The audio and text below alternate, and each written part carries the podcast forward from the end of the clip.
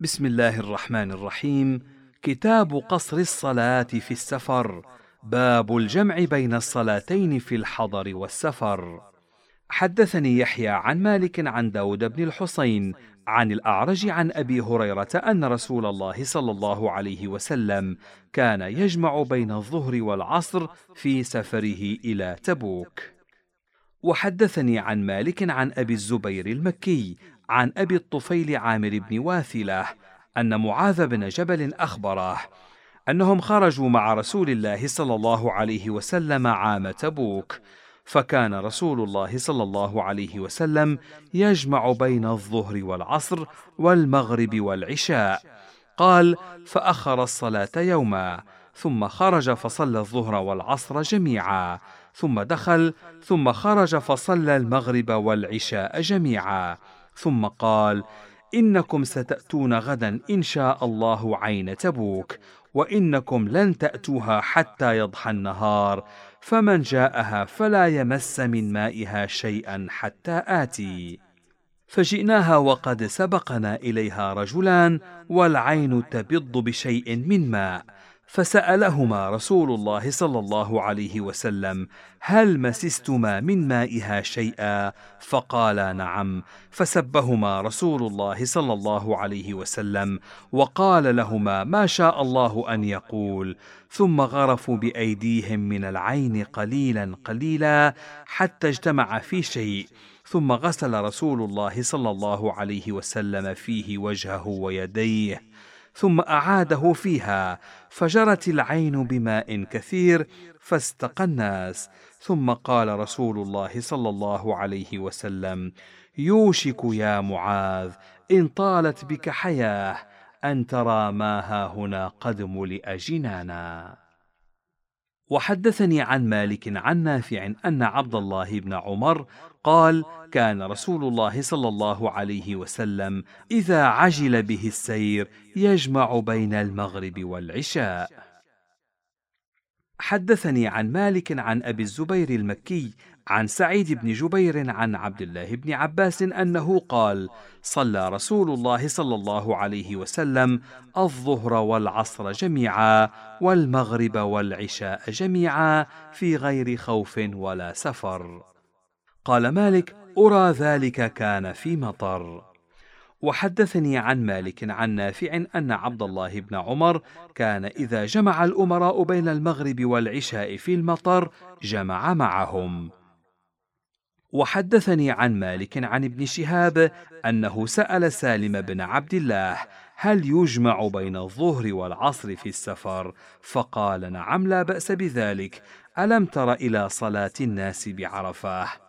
وحدثني عن مالك أنه بلغه عن علي بن حسين أنه كان يقول كان رسول الله صلى الله عليه وسلم إذا أراد أن يسير يومه جمع بين الظهر والعصر وإذا أراد أن يسير ليله جمع بين المغرب والعشاء.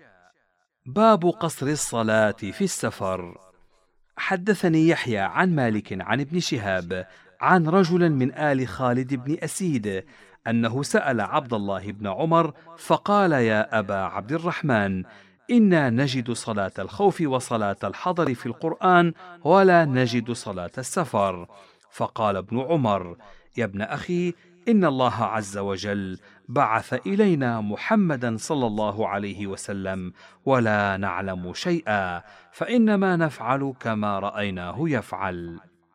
وحدثني عن مالك عن صالح بن كيسان عن عروة بن الزبير عن عائشة زوج النبي صلى الله عليه وسلم أنها قالت: فرضت الصلاة ركعتين ركعتين في الحضر والسفر فأقرت صلاة السفر وزيد في صلاة الحضر. وحدثني عن مالك عن يحيى بن سعيد أنه قال لسالم بن عبد الله ما أشد ما رأيت أباك أخر المغرب في السفر. فقال سالم غربت الشمس ونحن بذات الجيش فصلى المغرب بالعقيق. باب ما يجب فيه قصر الصلاه حدثني يحيى عن مالك عن نافع أن عبد الله بن عمر كان إذا خرج حاجا أو معتمرا قصر الصلاة بذي الحليفة. وحدثني عن مالك عن ابن شهاب عن سالم بن عبد الله عن أبيه أنه ركب إلى ريم فقصر الصلاة في مسيره ذلك. قال مالك وذلك نحو من أربعة برد وحدثني عن مالك عن نافع عن سالم بن عبد الله أن عبد الله بن عمر ركب إلى ذات النصب فقصر الصلاة في مسيره ذلك. قال مالك وبين ذات النصب والمدينة أربعة برد وحدثني عن مالك عن نافع عن ابن عمر أنه كان يسافر إلى خيبر فيقصر الصلاة. وحدثني عن مالك عن ابن شهاب عن سالم بن عبد الله أن عبد الله بن عمر كان يقصر الصلاة في مسيره اليوم التام. وحدثني عن مالك عن نافع أنه كان يسافر مع ابن عمر البريد فلا يقصر الصلاة. وحدثني عن مالك أنه بلغاه أن عبد الله بن عباس كان يقصر الصلاة في مثل ما بين مكة والطائف، وفي مثل ما بين مكة وعسفان، وفي مثل ما بين مكة وجدة. قال مالك وذلك أربعة برد وذلك أحب ما تقصر إلي فيه الصلاة قال مالك لا يقصر الذي يريد السفر الصلاة حتى يخرج من بيوت القرية ولا يتم حتى يدخل أول بيوت القرية أو يقارب ذلك باب صلاة المسافر ما لم يجمع مكثا حدثني يحيى عن مالك عن ابن شهاب عن سالم بن عبد الله أن عبد الله بن عمر كان يقول أصلي صلاة المسافر ما لم أجمع مكثا وإن حبسني ذلك اثنتي عشرة ليلة. وحدثني عن مالك عن نافع أن ابن عمر أقام بمكة عشر ليال يقصر الصلاة إلا أن يصليها مع الإمام فيصليها بصلاته.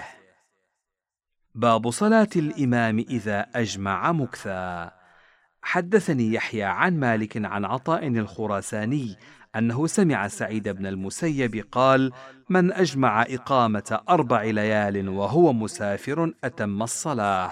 قال مالك: وذلك أحب ما سمعت إلي. وسئل مالك عن صلاة الأسير فقال: مثل صلاة المقيم إلا أن يكون مسافرا. باب صلاة المسافر إذا كان إماما أو كان وراء الإمام. حدثني يحيى عن مالك عن ابن شهاب عن سالم بن عبد الله عن أبيه أن عمر بن الخطاب كان إذا قدم مكة صلى بهم ركعتين ثم يقول: يا أهل مكة أتموا صلاتكم فإنا قوم سفر. وحدثني عن مالك عن زيد بن أسلم عن أبيه عن عمر بن الخطاب مثل ذلك وحدثني عن مالك عن نافع أن عبد الله بن عمر كان يصلي وراء الإمام بمنى أربعة فإذا صلى لنفسه صلى ركعتين.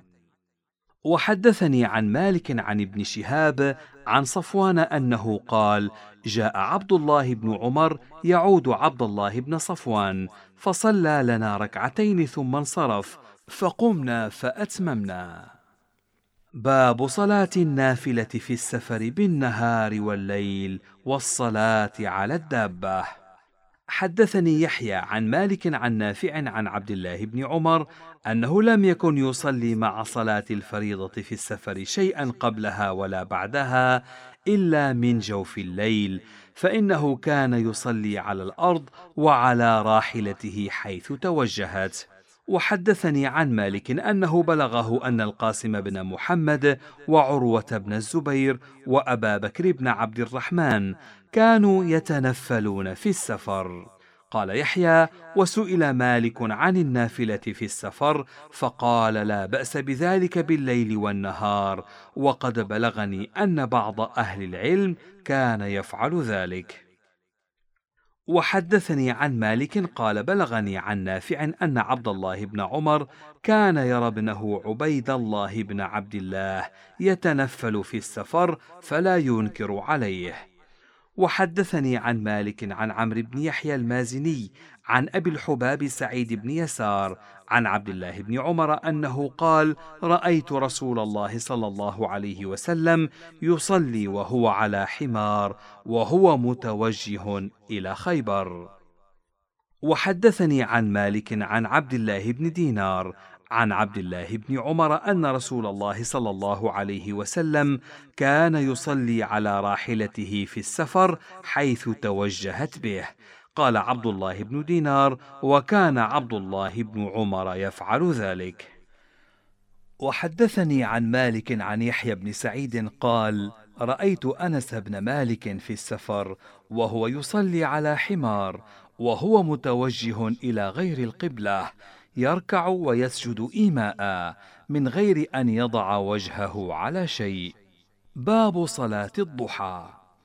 حدثني يحيى عن مالك عن موسى بن ميسرة عن أبي مرة مولى عقيل بن أبي طالب أن أم هانئ بنت أبي طالب أخبرته أن رسول الله صلى الله عليه وسلم صلى عام الفتح ثماني ركعات ملتحفا في ثوب واحد. وحدثني عن مالك عن أبي النضر مولى عمر بن عبيد الله أن أبا مرة مولى عقيل بن أبي طالب أخبره أنه سمع أم هانئ بنت أبي طالب تقول: ذهبت إلى رسول الله صلى الله عليه وسلم عام الفتح، فوجدته يغتسل، وفاطمة ابنته تستره بثوب. قالت فسلمت عليه فقال من هذه؟ فقلت أم هانئ بنت أبي طالب فقال مرحبا بأم هانئ فلما فرغ من غسله قام فصلى ثماني ركعات ملتحفا في ثوب واحد. ثم انصرف.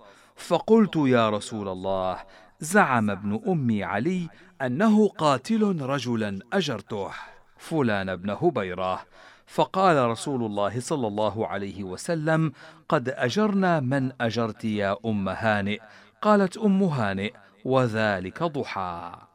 وحدثني عن مالك عن ابن شهاب عن عروة بن الزبير عن عائشة زوج النبي صلى الله عليه وسلم أنها قالت ما رأيت رسول الله صلى الله عليه وسلم يصلي سبحه الضحى قط وإني لأسبحها.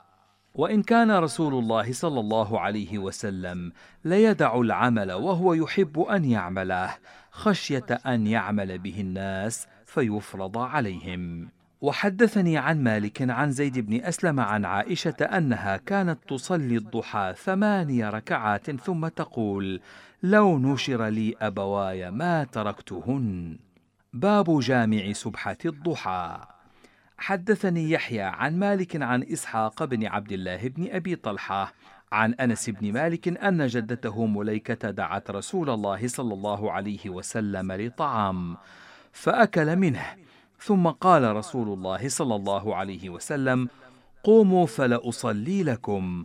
قال أنس فقمت إلى حصير لنا قد اسود من طول ما لبس فنضحته بماء فقام عليه رسول الله صلى الله عليه وسلم وصففت أنا واليتيم وراءه والعجوز من ورائنا فصلى لنا ركعتين ثم انصرف. وحدثني عن مالك عن ابن شهاب عن عبيد الله بن عبد الله بن عتبة أنه قال دخلت على عمر بن الخطاب بالهاجرة فوجدته يسبح فقمت وراءه فقربني حتى جعلني حذاءه عن يمينه فلما جاء يرفأ تأخرت فصففنا وراءه. باب التشديد في أن يمر أحد بين يدي المصلي. حدثني يحيى عن مالك عن زيد بن أسلم عن عبد الرحمن بن أبي سعيد الخدري عن أبيه أن رسول الله صلى الله عليه وسلم قال إذا كان أحدكم يصلي فلا يدع أحدا يمر بين يديه وليدرأه ما استطاع فإن أبى فليقاتله فإنما هو شيطان. وحدثني عن مالك عن أبي النضر مولى عمر بن عبيد الله عن بسر بن سعيد أن زيد بن خالد الجهني أرسله إلى أبي جهيم يسأله ماذا سمع من رسول الله صلى الله عليه وسلم في المار بين يدي المصلي؟ فقال أبو جهيم قال رسول الله صلى الله عليه وسلم لو يعلم المار بين يدي المصلي ماذا عليه لكان أن يقف أربعين خيرا له من أن يمر بين يديه. قال أبو النضر لا أدري أقال أربعين يوما أو شهرا أو سنة. وحدثني عن مالك عن زيد بن أسلم عن عطاء بن يسار أن كعب الأحبار قال لو يعلم المار بين يدي المصلي ماذا عليه لكان أن يخسف به خيرا له من أن يمر بين يديه. وحدثني عن مالك أنه بلغه أن عبد الله بن عمر كان يكره أن يمر بين أيدي النساء وهن يصلين. وحدثني عن مالك عن نافع أن عبد الله بن عمر كان لا يمر بين يدي أحد ولا يدع أحدا يمر بين يديه. باب الرخصة في المرور بين يدي المصلي. حدثني يحيى عن مالك عن ابن شهاب عن عبيد الله بن عبد الله بن عتبة بن مسعود عن عبد الله بن عباس أنه قال أقبلت راكبا على أتان وأنا يومئذ قد ناهزت الاحتلام ورسول الله صلى الله عليه وسلم يصلي للناس بمنى. فمررت بين يدي بعض الصف فنزلت فأرسلت الأتان ترتع ودخلت في الصف فلم ينكر ذلك علي أحد. وحدثني عن مالك أنه بلغه أن سعد بن أبي وقاص كان يمر بين يدي بعض الصفوف والصلاة قائمة. قال مالك وأنا أرى ذلك واسعا إذا أقيمت الصلاة وبعد أن يحرم الإمام ولم يجد المرء مدخلا إلى المسجد إلا بين الصفوف. وحدثني عن مالك أنه بلغه أن علي بن أبي طالب قال لا يقطع الصلاة شيء مما يمر بين يدي المصلي. وحدثني عن مالك عن ابن شهاب عن سالم بن عبد الله أن عبد الله بن عمر كان يقول لا يقطع الصلاة شيء مما يمر بين يدي المصلي. باب سترة المصلي في السفر. حدثني يحيى عن مالك أنه بلغه أن عبد الله بن عمر كان يستتر براحلته إذا صلى.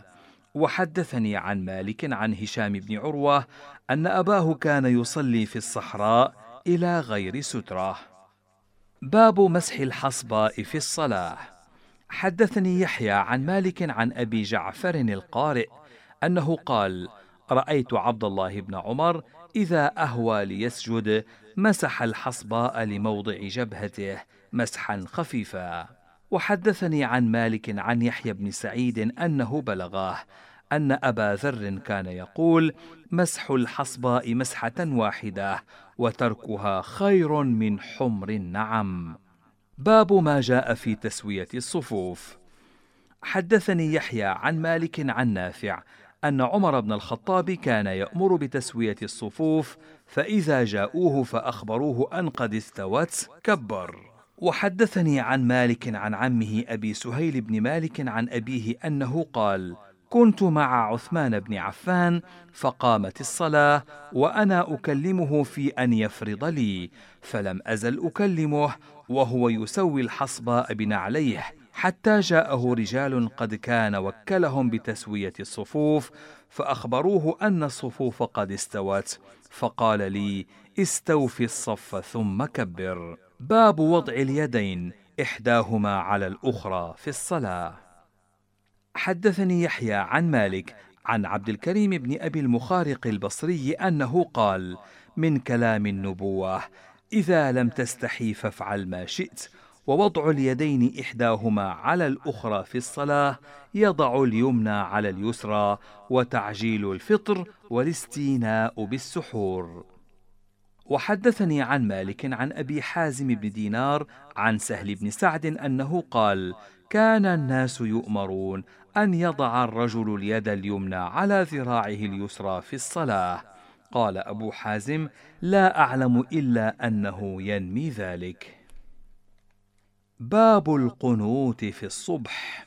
حدثني يحيى عن مالك عن نافع أن عبد الله بن عمر كان لا يقنت في شيء من الصلاة. باب النهي عن الصلاة والإنسان يريد حاجته. حدثني يحيى عن مالك عن هشام بن عروة عن أبيه أن عبد الله بن الأرقم كان يؤم أصحابه فحضرت الصلاة يوما فذهب لحاجته ثم رجع فقال إني سمعت رسول الله صلى الله عليه وسلم يقول إذا أراد أحدكم الغائط فليبدأ به قبل الصلاة. وحدثني عن مالك عن زيد بن أسلم أن عمر بن الخطاب قال لا يصلين أحدكم وهو ضام بين وركيه. باب انتظار الصلاة والمشي إليها. وحدثني يحيى عن مالك عن أبي الزناد عن الأعرج عن أبي هريرة أن رسول الله صلى الله عليه وسلم قال الملائكة تصلي على أحدكم ما دام في مصلاه الذي صلى فيه ما لم يحدث اللهم اغفر له اللهم ارحمه. قال مالك لا أرى قوله ما لم يحدث إلا الإحداث الذي ينقض الوضوء. وحدثني عن مالك عن أبي الزناد عن الأعرج عن أبي هريرة أن رسول الله صلى الله عليه وسلم قال لا يزال أحدكم في صلاة ما كانت الصلاة تحبسه لا يمنعه أن ينقلب إلى أهله إلا الصلاة. وحدثني عن مالك عن سمي مولى أبي بكر أن أبا بكر بن عبد الرحمن كان يقول من غدا أو راح إلى المسجد لا يريد غيره ليتعلم خيرا أو ليعلمه ثم رجع إلى بيته. كان كالمجاهد في سبيل الله. رجع غانما. وحدثني عن مالك عن نعيم بن عبد الله المجمر أنه سمع أبا هريرة يقول إذا صلى أحدكم ثم جلس في مصلاه لم تزل الملائكة تصلي عليه. اللهم اغفر له. اللهم ارحمه. فإن قام من مصلاه فجلس في المسجد ينتظر الصلاة لم يزل في صلاة حتى يصلي. وحدثني عن مالك عن العلاء بن عبد الرحمن بن يعقوب عن أبيه عن أبي هريرة أن رسول الله صلى الله عليه وسلم قال ألا أخبركم بما يمحو الله به الخطايا ويرفع به الدرجات؟ إسباغ الوضوء عند المكاره وكثرة الخطى إلى المساجد وانتظار الصلاة بعد الصلاة. فذلكم الرباط فذلكم الرباط فذلكم الرباط. وحدثني عن مالك أنه بلغه أن سعيد بن المسيب قال يقال لا يخرج أحد من المسجد بعد النداء إلا أحد يريد الرجوع إليه. الا منافق وحدثني عن مالك عن عامر بن عبد الله بن الزبير عن عمرو بن سليم الزرقي عن أبي قتادة الأنصاري أن رسول الله صلى الله عليه وسلم قال إذا دخل أحدكم المسجد فليركع ركعتين قبل أن يجلس. وحدثني عن مالك عن أبي النضر مولى عمر بن عبيد الله عن أبي سلمة بن عبد الرحمن أنه قال له ألم ار صاحبك إذا دخل المسجد يجلس قبل أن يركع؟ قال أبو النضر يعني بذلك عمر بن عبيد الله ويعيب ذلك عليه أن يجلس إذا دخل المسجد قبل أن يركع. قال يحيى قال مالك وذلك حسن وليس بواجب. باب وضع اليدين على ما يوضع عليه الوجه في السجود. حدثني يحيى عن مالك عن نافع أن عبد الله بن عمر كان إذا سجد وضع كفيه على الذي يضع عليه جبهته.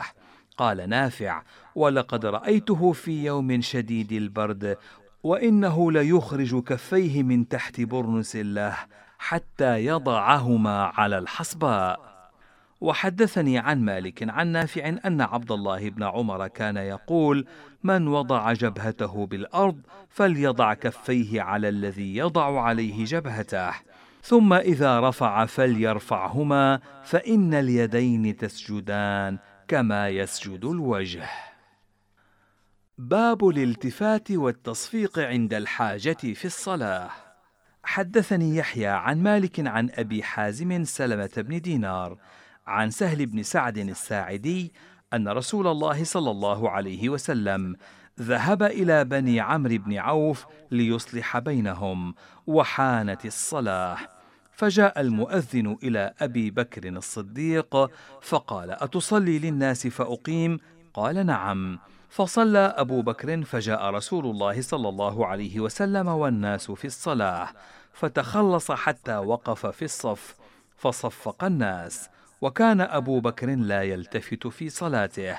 فلما أكثر الناس من التصفيق التفت أبو بكر فرأى رسول الله صلى الله عليه وسلم فأشار إليه رسول الله صلى الله عليه وسلم أن امكث مكانك. فرفع أبو بكر يديه فحمد الله على ما أمره به رسول الله صلى الله عليه وسلم من ذلك ثم استأخر حتى استوى في الصف. وتقدم رسول الله صلى الله عليه وسلم فصلى ثم انصرف. فقال يا أبا بكر ما منعك أن تثبت إذ أمرتك؟ فقال أبو بكر ما كان لابن أبي قحافة أن يصلي بين يدي رسول الله صلى الله عليه وسلم. فقال رسول الله صلى الله عليه وسلم ما لي رأيتكم أكثرتم من التصفيح. من نابه شيء في صلاته فليسبح فإذا سبح التفت إليه وإنما التصفيح للنساء. وحدثني عن مالك عن نافع أن ابن عمر لم يكن يلتفت في صلاته. وحدثني عن مالك عن أبي جعفر القارئ أنه قال كنت أصلي وعبد الله بن عمر ورائي ولا أشعر فالتفت فغمزني. باب ما يفعل من جاء والإمام راكع. حدثني يحيى عن مالك عن ابن شهاب عن أبي أمامة بن سهل بن حنيف أنه قال دخل زيد بن ثابت المسجد فوجد الناس ركوعا فركع ثم دب حتى وصل الصف. وحدثني عن مالك أنه بلغاه أن عبد الله بن مسعود كان يدب راكعا. باب ما جاء في الصلاة على النبي. صلى الله عليه وسلم. حدثني عن مالك عن عبد الله بن أبي بكر بن حزم عن أبيه عن عمرو بن سليم الزرقي أنه قال أخبرني أبو حميد الساعدي أنهم قالوا يا رسول الله كيف نصلي عليك؟ فقال قولوا اللهم صل على محمد وأزواجه وذريته كما صليت على آل إبراهيم وبارك على محمد وأزواجه وذريته كما باركت على آل إبراهيم إنك حميد مجيد. وحدثني عن مالك عن نعيم بن عبد الله المجمر عن محمد بن عبد الله بن زيد أنه أخبره عن أبي مسعود الأنصاري أنه قال أتانا رسول الله صلى الله عليه وسلم في مجلس سعد بن عبادة فقال له بشير بن سعد أمرنا الله أن نصلي عليك يا رسول الله فكيف نصلي عليك؟ قال فسكت رسول الله صلى الله عليه وسلم حتى تمنينا أنه لم يسأله. ثم قال قولوا اللهم صل على محمد وعلى آل محمد كما صليت على إبراهيم وبارك على محمد وعلى آل محمد. كما باركت على آل إبراهيم في العالمين إنك حميد مجيد. والسلام كما قد علمتم. وحدثني عن مالك عن عبد الله بن دينار قال رأيت عبد الله بن عمر يقف على قبر النبي صلى الله عليه وسلم فيصلي على النبي صلى الله عليه وسلم وعلى أبي بكر وعمر. باب العمل في جامع الصلاه حدثني يحيى عن مالك عن نافع عن ابن عمر أن رسول الله صلى الله عليه وسلم كان يصلي قبل الظهر ركعتين وبعدها ركعتين وبعد المغرب ركعتين في بيته وبعد صلاة العشاء ركعتين وكان لا يصلي بعد الجمعة حتى ينصرف فيركع ركعتين. وحدثني عن مالك عن أبي الزناد عن الأعرج عن أبي هريرة أن رسول الله صلى الله عليه وسلم قال أترون قبلتي هاهنا فوالله ما يخفى علي خشوعكم ولا ركوعكم إني لأراكم من وراء ظهري. وحدثني عن مالك عن نافع عن عبد الله بن عمر أن رسول الله صلى الله عليه وسلم كان يأتي قباء راكبا وماشيا. وحدثني عن مالك عن يحيى بن سعيد عن النعمان بن مرة أن رسول الله صلى الله عليه وسلم قال ما ترون في الشارب والسارق والزاني وذلك قبل أن ينزل فيهم. قالوا الله ورسوله أعلم. قال هن فواحش وفيهن عقوبة وأسوأ السرقة الذي يسرق صلاته. قالوا وكيف يسرق صلاته يا رسول الله؟ قال لا يتم ركوعها ولا سجودها. وحدثني عن مالك عن هشام بن عروة عن أبيه أن رسول الله صلى الله عليه وسلم قال اجعلوا من صلاتكم في بيوتكم. وحدثني عن مالك عن نافع أن عبد الله بن عمر كان يقول إذا لم يستطع المريض السجود أومأ برأسه إيماء ولم يرفع إلى جبهته شيئا. وحدثني عن مالك عن ربيعة بن أبي عبد الرحمن أن عبد الله بن عمر كان إذا جاء المسجد وقد صلى الناس بدأ بصلاة المكتوبة ولم يصل قبلها شيئا. وحدثني عن مالك عن نافع أن عبد الله بن عمر مر على رجل وهو يصلي فسلم عليه فرد الرجل كلاما فرجع إليه عبد الله بن عمر فقال له إذا سلم على أحدكم وهو يصلي فلا يتكلم وليشر بيده وحدثني عن مالك عن نافع أن عبد الله بن عمر كان يقول من نسي صلاة فلم يذكرها إلا وهو مع الإمام فإذا سلم الإمام فليصلي الصلاة التي نسي ثم ليصلي بعدها الأخرى. وحدثني عن مالك عن يحيى بن سعيد عن محمد بن يحيى بن حبان عن عمه واسع بن حبان أنه قال: كنت أصلي وعبد الله بن عمر مسند ظهره إلى جدار القبلة. فلما قضيت صلاتي انصرفت إليه من قبل الشق الأيسر فقال عبد الله بن عمر ما منعك أن تنصرف عن يمينك قال فقلت رأيتك فانصرفت إليك. قال عبد الله فإنك قد أصبت. إن قائلا يقول انصرف عن يمينك. فإذا كنت تصلي فانصرف حيث شئت. إن شئت عن يمينك وإن شئت عن يسارك. وحدثني عن مالك عن هشام بن عروة عن أبيه عن رجل من المهاجرين لم ير به بأسا أنه سأل عبد الله بن عمرو بن العاص أأصلي في عطن الإبل؟ فقال عبد الله لا ولكن صل في مراح الغنم وحدثني عن مالك عن ابن شهاب عن سعيد بن المسيب أنه قال ما صلاة يجلس في كل ركعة منها. ثم قال سعيد هي المغرب إذا فاتتك منها ركعة وكذلك سنة الصلاة كلها. باب جامع الصلاة. حدثني يحيى عن مالك عن عامر بن عبد الله بن الزبير عن عمرو بن سليم الزرقي عن أبي قتادة الأنصاري أن رسول الله صلى الله عليه وسلم كان يصلي وهو حامل أمامة بنت زينب بنت رسول الله صلى الله عليه وسلم ولأبي العاص بن ربيعة بن عبد شمس فإذا سجد وضعها وإذا قام حملها.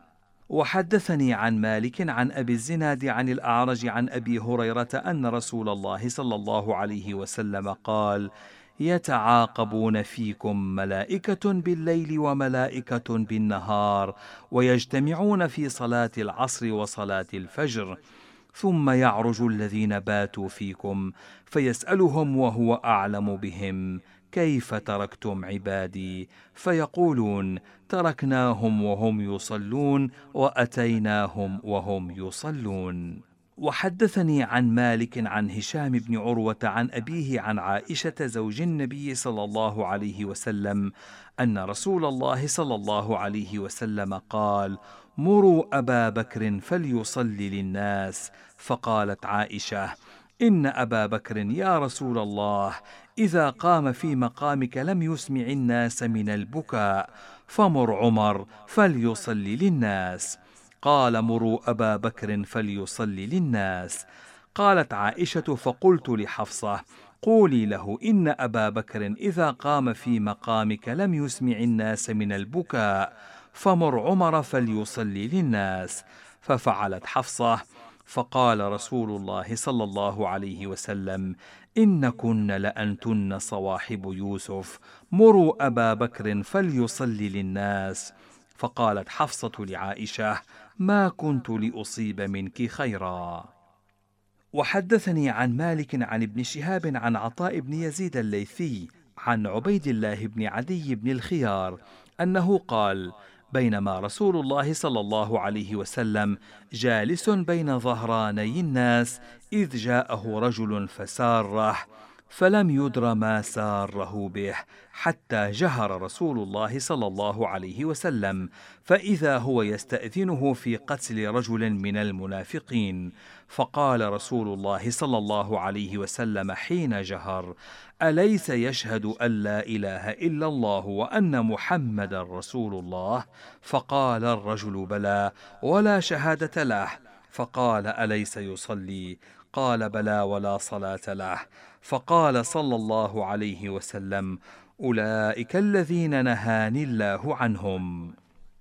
وحدثني عن مالك عن زيد بن أسلم عن عطاء بن يسار أن رسول الله صلى الله عليه وسلم قال اللهم لا تجعل قبري وثنا يعبد.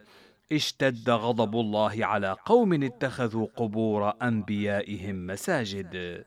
وحدثني عن مالك عن ابن شهاب عن محمود بن الربيع الأنصاري أن عتبان بن مالك كان يؤم قومه وهو أعمى وأنه قال لرسول الله صلى الله عليه وسلم إنها تكون الظلمة والمطر والسيل وأنا رجل ضرير البصر.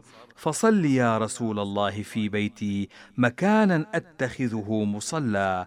فجاءه رسول الله صلى الله عليه وسلم فقال أين تحب أن أصلي؟ فأشار له إلى مكان من البيت فصلى فيه رسول الله صلى الله عليه وسلم. وحدثني عن مالك عن ابن شهاب عن عباد بن تميم عن عمه أنه رأى رسول الله صلى الله عليه وسلم مستلقيا في المسجد واضعا إحدى رجليه على الأخرى. وحدثني عن مالك عن ابن شهاب عن سعيد بن المسيب أن عمر بن الخطاب وعثمان بن عفان رضي الله عنهما كانا يفعلان ذلك. وحدثني عن مالك عن يحيى بن سعيد أن عبد الله بن مسعود قال لإنسان إنك في زمان كثير فقهاؤه قليل قراؤه تحفظ فيه حدود القرآن وتضيع حروفه قليل من يسأل وكثير من يعطي يطيلون فيه الصلاة ويقصرون الخطبة يبدون أعمالهم قبل أهوائهم. وسيأتي على الناس زمان. قليل فقهاؤه كثير قراؤه. يحفظ فيه حروف القرآن وتضيع حدوده.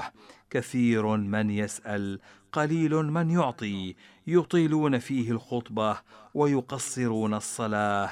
يبدون فيه أهواءهم قبل أعمالهم. وحدثني عن مالك عن يحيى بن سعيد أنه قال بلغني أن أول ما ينظر فيه من عمل العبد الصلاح فإن قبلت منه نظر فيما بقي من عمله وإن لم تقبل منه لم ينظر في شيء من عمله. وحدثني عن مالك عن هشام بن عروة عن أبيه عن عائشة زوج النبي صلى الله عليه وسلم أنها قالت كان أحب العمل إلى رسول الله صلى الله عليه وسلم الذي يدوم عليه صاحبه. وحدثني عن مالك أنه بلغه عن عامر بن سعد بن أبي وقاص عن أبيه أنه قال كان رجلان أخوان فهلك أحدهما قبل صاحبه بأربعين ليلة فذكرت فضيلة الأول عند رسول الله صلى الله عليه وسلم فقال ألم يكن الآخر مسلما؟ قالوا بلى يا رسول الله وكان لا بأس به. فقال رسول الله صلى الله عليه وسلم وما يدريكم ما بلغت به صلاته؟ إنما مثل الصلاة كمثل نهر غمر عذب بباب أحدكم يقتحم فيه كل يوم خمس مرات فما ترون ذلك يبقي من درنه فإنكم لا تدرون ما بلغت به صلاته. وحدثني عن مالك أنه بلغه أن عطاء بن يسار كان إذا مر عليه بعض من يبيع في المسجد دعاه فسأله ما معك وما تريد فإن أخبره أنه يريد أن يبيعه قال عليك بسوق الدنيا وإنما هذا سوق الآخرة وحدثني عن مالك أنه بلغه أن عمر بن الخطاب بنى رحبة في ناحية المسجد تسمى البطيحاء وقال من كان يريد أن يلغط أو ينشد شعرا أو يرفع صوته فليخرج إلى هذه الرحبة. باب جامع الترغيب في الصلاة. حدثني يحيى عن مالك عن عمه أبي سهيل بن مالك عن أبيه أنه سمع طلحة بن عبيد الله يقول جاء رجل إلى رسول الله صلى الله عليه وسلم من أهل نجد ثائر الرأس يسمع دوي صوته ولا نفقه ما يقول حتى دنا فإذا هو يسأل عن الإسلام. فقال له رسول الله صلى الله عليه وسلم خمس صلوات في اليوم والليلة. قال هل علي غيرهن؟ قال لا إلا أن تطوع.